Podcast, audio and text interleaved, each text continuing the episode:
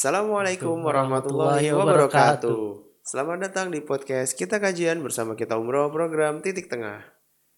Balik lagi dengan Rifki dan Restu. Restu. Oke. Sama Ustaz siapa nih Cai sekarang Cai? Masih sama Ustadz Arif, Arif Rahman. Rahman. Oke. Berarti masih bahas-bahas hal terkait yang gaib-gaib dong. Iya. Oh iya benar. Oke, langsung aja pertanyaan tuh ya biar nggak lama. Betul betul betul. Eh, halo Ustadz, apa kabar? Assalamualaikum Ustaz. Ya, oh iya, assalamualaikum Ustadz. Lupa. Sahalo. warahmatullahi wabarakatuh. Oke. Pertanyaan apa nih Cai? Masih Ini dari netizen ya? Ya, pertanyaannya tentang eh, anak indigo atau orang indigo lah gitu. Wah boleh menarik tuh. kayaknya. Nah, tentang indigo ini Stats, apakah ini tuh gangguan jin Hmm, atau Emang bawaan. oh atau emang bawaan dari lahir gitu dan bisa nggak sih indigo ini dihilangkan dengan rukiah? Ya. Itu Stats. Chan. pertanyaannya. Oke. Ustaz. Ya, bismillahirrahmanirrahim. Per- Pertama untuk indigo ya. Pertanyaan indigo ini apa nih? Yang dimaksud indigo ini kan biasanya kayak melihat apa yang orang nggak lihat katanya kan. Mm-mm. Atau ya melihat hal-hal yang gaib.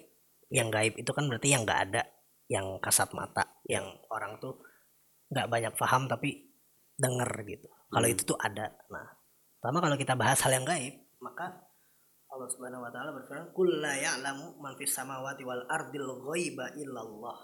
Tidak ada satupun yang di bumi maupun di langit yang mengetahui tentang hal yang gaib kecuali Allah Subhanahu wa taala. Nah, gitu.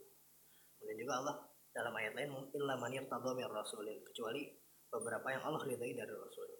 Maka siapa pun orang yang mengklaim bisa mengetahui hal yang gaib atau melihat yang gaib itu adalah bohong. Hmm. atau bisa dikatakan itu halusi- halusinasi.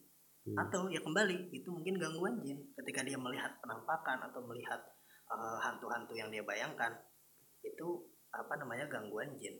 Bukan dan bukan kelebihan. Nah ini ini juga bahayanya. Orang-orang yang merasa kayak oh ini kelebihan. Enggak kelebihan itu keganggu. Mhm. kenapa kita harus bisa melihat apa yang orang lain gak lihat gitu kan? Oh ya. Apalagi anak-anak gitu. Kalau misalnya dia terbawa sampai besar kasihan. Dan bisa disembuhkan dengan rukyah dengan izin Allah dengan segala apa namanya takwaan dikuatkan akidahnya kemudian dengan izin Allah insya Allah bisa diobati dengan rukyah. Karena Hmm. memang ini kelainan. Ini kelainan dan ini gangguan penyakit. Harus difahaminya ini penyakit. Hmm. kalau bawaan dari lahir Allah alam itu bukan bawaan dari lahir. Gitu. Jadi memang itu ya kebetulan diganggu dengan cara seperti itu Allah alam seperti Oke, berarti berarti perlu diingat itu ya dan juga untuk para pendengar ini tuh bukan kelebihan tapi eh, bisa Justru kekurangan. Kekurangan benar Hmm. karena dia doang yang bisa ngelihat ya Iya. kan Iya. Ngeri juga ya. ngeri juga Dan gitu. itu ya harus diobatin Cai ya. ya, Ya, salah satu itu dengan cara rukiah itu Betul betul. oke semoga pendengar mendapatkan jawaban yang bermanfaat Ya. Eh, terima kasih Ustadz atas jawabannya mari kita tutup program titik tengah ini Assalamualaikum Assalamualaikum warahmatullahi warahmatullahi wabarakatuh. wabarakatuh